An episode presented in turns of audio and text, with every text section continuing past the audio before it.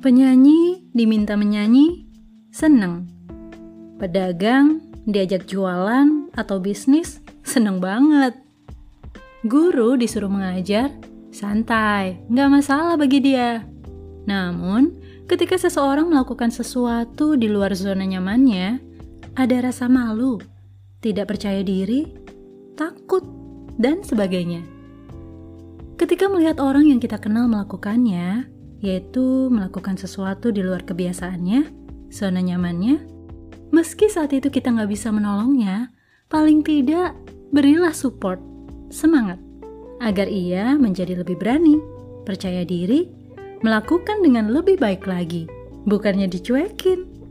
Tolak ukurnya, minimal perlakukan seseorang di mana kamu juga ingin diperlakukan.